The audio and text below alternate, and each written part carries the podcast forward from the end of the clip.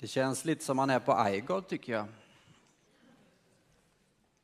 Ni kanske inte alls förstår vad jag menar, men, men eh, om ni inte har varit på iGod så kan ni inte förstå vad jag menar. Men dels menar jag ju hur det ser ut här, till exempel de här stora sakerna som står här, de brukar stå något liknande på iGod. Och du undrar kanske vad de gör där, för de lyser ju inte ens idag. Men de eh, står där sen vi hade konsert i eh, i, i fredags och de ska nu stå här hela månaden lång och eh, sprida ljus på olika konserter och gudstjänster som vi har på kvällar. Så eh, behöver du inte tänka på det mer och fundera på varför de står där, för de kommer att stå kvar. Också när vi har iGod om två veckor kommer de att stå där och då ska de lysa något allra extra mycket och snurrar på. Då blir det rök också. Och det är ju vanligt att man har det i kyrkor faktiskt. Eh, och sen var det ju också musiken, den lät ju eh, lite åt Aigard-hållet. Och eh, det här får mig på extra bra humör känner jag. Och så är det då dessutom så att det är änglarna som är temat idag och den helige Mikaels dag. Och jag ska läsa en text till ifrån Uppenbarelsebokens eh, femte kapitel.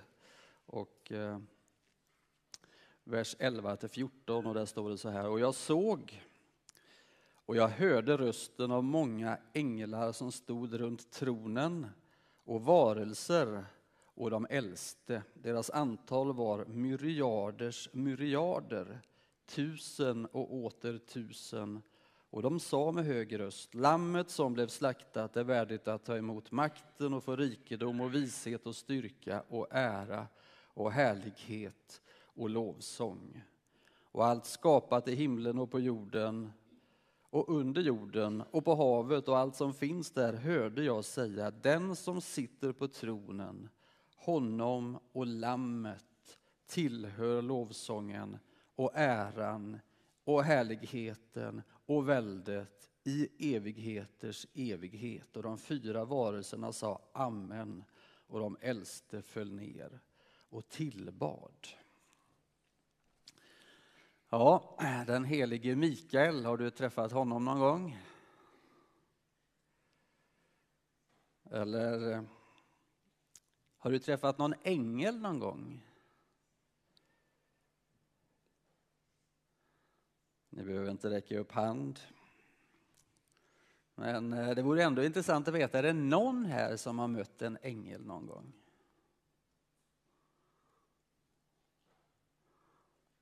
Ja, det kan ju vara någon som sitter och håller i hemlighet, men det verkar inte som att det är eh, supermånga händer i luften som eh, tecken på att någon har sett en ängel. I fredags var ju Lisa Nilsson här och hon sjöng eh, som sista sång en väldigt känd sång eh, där hon sjöng så här. För jag har himlen runt hörnet, en egen ängel i en säng. Men mitt under sången så började hon att prata. Och då så sa hon ju ungefär så här, vad är det jag sjunger egentligen? Jag har väl aldrig haft någon ängel i en säng. Eller har jag det? funderade hon vidare och till slut kom hon fram till att hon hade haft två änglar i sin säng och det var hennes två barn som var knöiga och febervarma och svettiga ibland. De hade hon ju haft där. Änglar är rätt vanliga i populärkulturen, i sånger och texter. Ehm, men hur är det med oss som kristna? Pratar vi ofta om änglar? Jag får en känsla nästan av, när jag funderade på det här, eh, började fundera för någon vecka sedan faktiskt, att man pratar nog om mer om änglar utanför kyrkan än i kyrkan egentligen. För om man till exempel googlar änglar eller ängel så kommer man nästan alltid till nyandliga sidor på internet. Eh, där fanns, finns mängder av änglasidor alltså. Och i byn där jag bor där finns ett ställe som kallas för Änglahuset. Det är för att där ger hon som bor där kurser om änglar och eh, möten med liknande varelser. Och det visar sig i vetenskapliga undersökningar att väldigt, väldigt många svenskar eh, tror på änglar och liknande väsen. Mer faktiskt än, än som säger sig tro på Gud så som vi uppfattar Gud. Och eh, när jag ser på fotboll så ser jag att en del av mina såna där fotbollsidoler, de har änglar tatuerade på sig i väldigt stora bilder. Till exempel David Beckham, han har en ängel som är liksom på hela ryggen och på axlarna. Och Neymar likadant. Dant. Han har också ängel på hela ryggpartiet. Samtidigt som det är så här att vi kanske inte pratar så mycket om änglar så tror jag att vi pratar om änglavakt. För att eh, om jag skulle fråga så här, har någon av er varit med om änglavakt någon gång? Ja, nu börjar det komma upp händer här. För det tror jag vi känner alla någon gång att jag var med om änglavakt.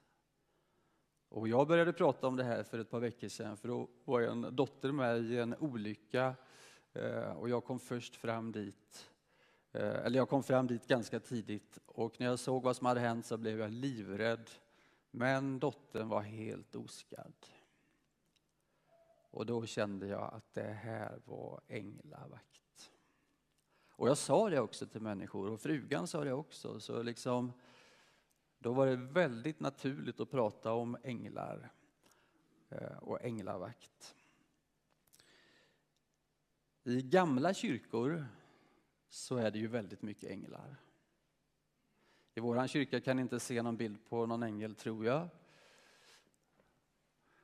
Men i gamla kyrkor så kan man nästan alltid det, för de finns i taket ofta och de spelar trumpeter, de är målade där och de finns på bilder på väggarna och sådär.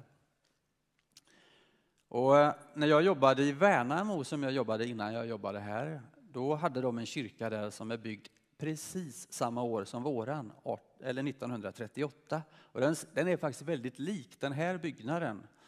Eh, och de har kvar sin originalfärg på utsidan, så när jag ser en gammal tavla på vår kyrka så ser de väldigt, väldigt lika ut. Så jag har funderat på om det är samma arkitekt, men jag har aldrig kollat upp den saken. Arkitekt heter det förresten, ursäkta mig.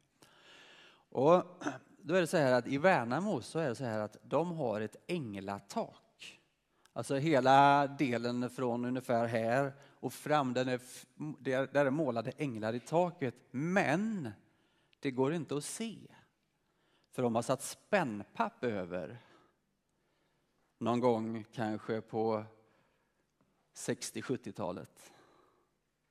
Så, så eh, man bara vet att det finns änglar bakom pappen. Och sen hade de från början också i kyrkan ett, ett krucifix som någon hade skänkt, som var rik i Värnamo. Men den tog man också bort efter ett tag och har liksom spikat in i en kista som hänger på väggen liksom i ett rum bakom orgeln. Så där kan man gå in och kolla kistan som hänger på väggen och där vet man att där i finns Jesus i krucifixet. Det här får mig att börja fundera lite om eh, det är någonting med änglar som vi i kyrkan med tiden har börjat tycka är pinsamt så vi lite har gömt undan dem. Det kanske bara är i Värnamo som det är så. Eh, eller är det någonting som har varit i vår kultur, kanske i den svenska kulturen, att vi lite har tyckt att det blev pinsamt så vi pratade inte så mycket om änglarna mer. Eh, jag vet inte. Om man åker till Peterskyrkan i Rom, där finns änglar i marmor och på bilder. Eh, det finns änglar av Michelangelo eh, som är väldigt vackra. Och eh, oavsett hur det är med den här saken så tror jag att du har någon slags bild av hur en ängel är och hur en ängel ser ut. Jakob, som vi läste om, som Adam läste om, han är ju tvillingbror med Esau. Och Jakob betyder den som håller i hälen eller möjligen bedragare, eller möjligen både och. Båda förklaringarna finns nämligen i Bibeln, så det borde stämma, för där hette man alltid det som namnet betyder och det är ett hebreiskt namn från början. Eh, så när Jakob föds så kommer han som nummer två och han håller ett fast grepp om sin bror Esau i hälen. Och det är på något sätt en bild av att han vill ta sig förbi. Och en dag ska han göra det. På ett bedragligt vis. För ni vet och kan den här berättelsen hur han lurar sin pappa Isak.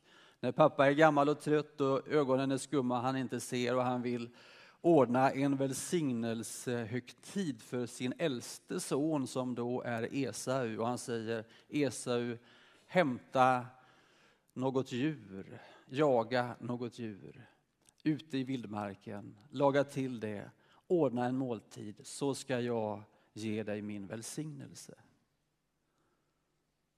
Och jag tror han tänker innan det är för sent. Och så smyger med mammas hjälp lillebror Jakob in i tältet hos den gamle pappan och har lagat till en rätt på tamdjur med viltsmak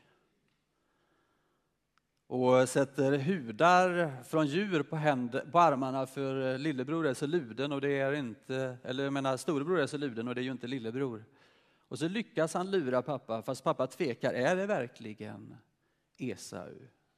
Han frågar. Och Jakob säger, ja, det är jag. Ge mig nu din välsignelse. Och pappa ger välsignelsen. Och när eh, storebror kommer hem och tillreder djuret och ordnar måltid så blir pappa väldigt förvånad att han blir bjuden på måltid en gång till.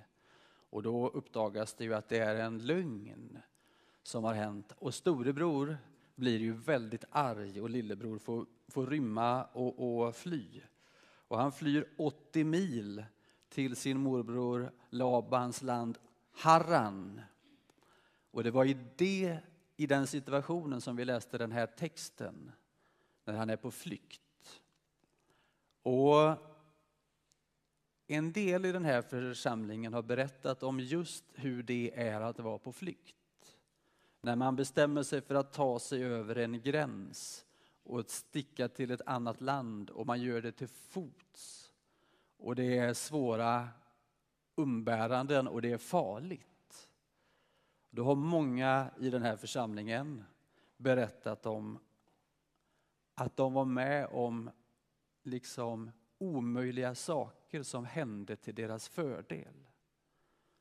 Som änglar eller gudomlig närvaro.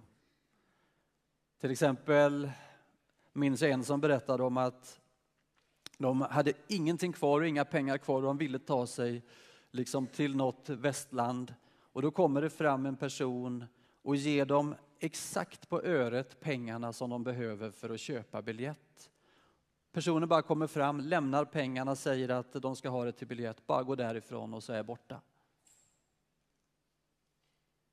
Jag vet andra som har liksom sprungit och gömt sig i mörkret där det finns beväpnade makter och hur de har känt gudomlig ledning att ta sig åt ett visst håll och liksom kommit undan.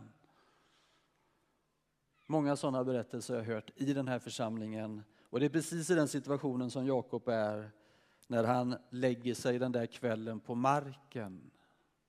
Tänk er nu, ensam, bedragare, på flykt. Det blir mörkt. Har du varit i en mörk skog någon gång? Ibland när jag är i en mörk skog så kan man plötsligt börja känna och se figurer som rör sig. Och så börjar man tänka, nej det är bäst jag skyndar mig, det kan vara vildsvin. Eller liksom, den där känslan. Tänk när man är ensam, ska bege sig 80 mil till fots och är en bedragare och så ska man sova och har en sten till kudde. Det, det är inte drömläge. Och det är just då, när Jakob har det så, som han lägger sig och sover, som drömmen kommer. Och så ser han den där stegen med änglar som går upp och ner.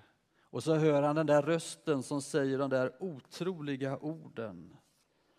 Jag är Herren, din fader Abrahams Gud och Isaks Gud. Marken som du ligger på ska jag ge åt dig och dina ättlingar. Du ska bli som stoftkornen på jorden och du ska utbreda dig åt väster och öster, åt norr och söder. Och alla folk på jorden ska önska sig den välsignelse som du och dina ättlingar har fått. Och jag ska vara med dig och skydda dig vart du än går. Jag ska föra dig tillbaka till detta land. Jag kommer att inte att överge dig jag ska fullgöra det som jag har lovat dig. Vilken otrolig berättelse. Men man kan ju tänka så här, är inte det här helt galet fel? Välsignar Gud en bedragare som just har lurat sin far och sin storebror på välsignelsen?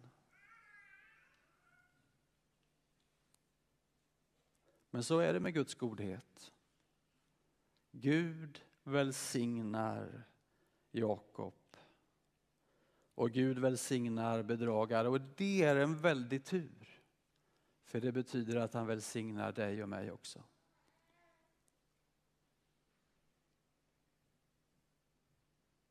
Eller hur? Tänk om Gud bara välsignade de allra bästa.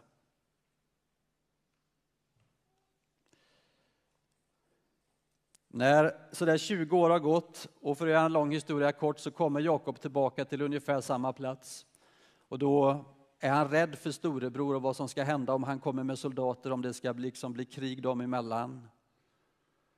Så då går han till Jabboks vad och är en natt, det står i Bibeln att det är beskrivet som att han brottas med Gud. Rickard ska sjunga om det sen. Och då står det att de brottas hela natten. Det måste vara en bönekamp som är kraftig. Kanske är den bokstavlig. De brottas hela natten och till slut säger den andra Släpp mig. Dagen gryr, men Jakob svarade, jag släpper dig inte förrän du välsignar mig. Han frågade honom, vad är ditt namn? Jakob, sa han. Då sa han, ditt namn ska inte längre vara Jakob utan Israel. Ty du har kämpat med Gud och människor och segrat. Jakob bad, för honom, Jakob bad honom, låt mig få veta ditt namn. Han svarade, varför frågar du mig om mitt namn? Och han välsignade honom där. Om man läser texten från Johannesevangeliet som Ida läste när vi stod upp och har Jakobs berättelsen i bakgrunden så märker man att de kopplar ihop i varandra. Men om jag bara tar det lite innan så vill jag bara säga en sak. Evangeliet är ofta en smitta. Har du tänkt på det? Det står om Natanael.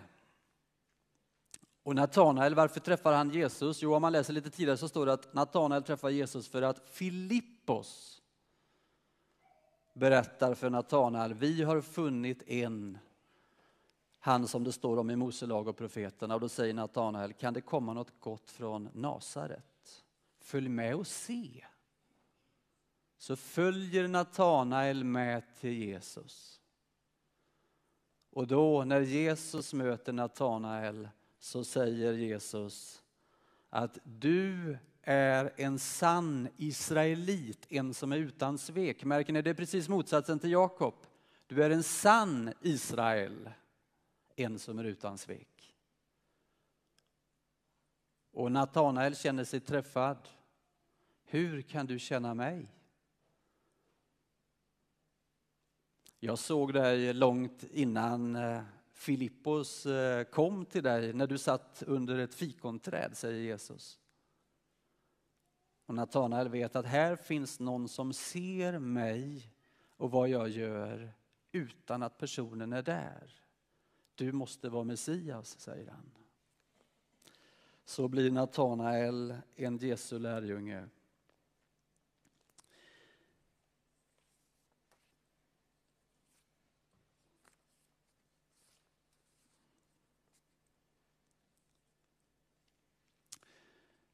Snart så börjar ju vårt födelsedagskalas. En tidning har gått ut till eh, 25 000 hushåll nu. Och eh, det är inte säkert att alla läser tidningen, eh, för den kommer med eh, direktreklam. Eh, och jag själv, jag tittade noga i min direktreklam igår och jag hittade tidningen. Men det hände ju att jag stoppade den åt något annat håll. Men jag hittade tidningen och vi hoppas ju att de här tidningarna ska hittas av många och här i kyrkan finns 2000 tidningar, så jag hoppas att ni tar sådana tidningar med er och delar ut eh, till platser där ni tycker att de skulle passa att vara. Så när du går härifrån idag, ta med dig tidningar, lägg i brevlådor eller visa för människor. Eller eh, lägg dem på arbetsplatsen eller, eller var som helst. Och så eh, gör som Filippos Gå och berätta för Natanael att vi har hittat någon. Kom. Och eh, om du vill bjuda dem på något superbra så ta med dem på lördag kväll till exempel när Charlotte Rörth ska berätta om hur hon mötte Jesus faktiskt helt utan någon Filippos. Som man kan möta utan, eller hur? Men ofta är det en smitta att man möts för att någon tar med.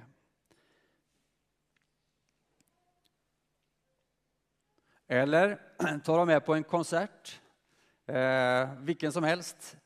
Eh, därför, gå en vandring med någon genom stan, gå in här i kyrkan, gå på en konsert, för det kan ju leda till ett samtal mellan dig och den personen. Det här är min kyrka, här brukar jag gå, eh, och varför gör jag det? När Natanael möter Jesus så säger Jesus, du är en sann israelit, en som är utan svek. Och sen säger Jesus så här, sannerligen jag säger er, ni ska få se himlen öppen och Guds änglar stiga upp och stiga ner över Människosonen. Vad är det Jesus säger här? Jo, han säger så här. Jakob drömde en gång om en stege mellan himmel och jord. Det är jag, Jesus, som är stegen. Jakob drömde om änglar som gick mellan himmel och jord, att vägen är öppen, att vägen är fri. Det är jag som är stegen. Katolikerna säger att när Jesus dör på korset så är det Guds härlighetstron som öppnar sig och som visar sig när Jesus dör. Guds härlighetstron. Och korset med Jesus på är stegen där änglar går fritt mellan himmel och jord. Och eh, jag tänker, nu är det snart lights in Alingsås. Rickard skrev igår kväll väldigt sent till mig att eh, 20 designers är samlade. Nu börjar ett febrilt arbete med att göra i ordning den här byggnaden och de andra. Och det kommer bli mycket spring här i veckan. Och på fredag kväll ska det vara klart.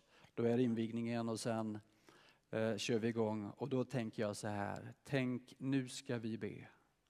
Alla vi ska be att änglar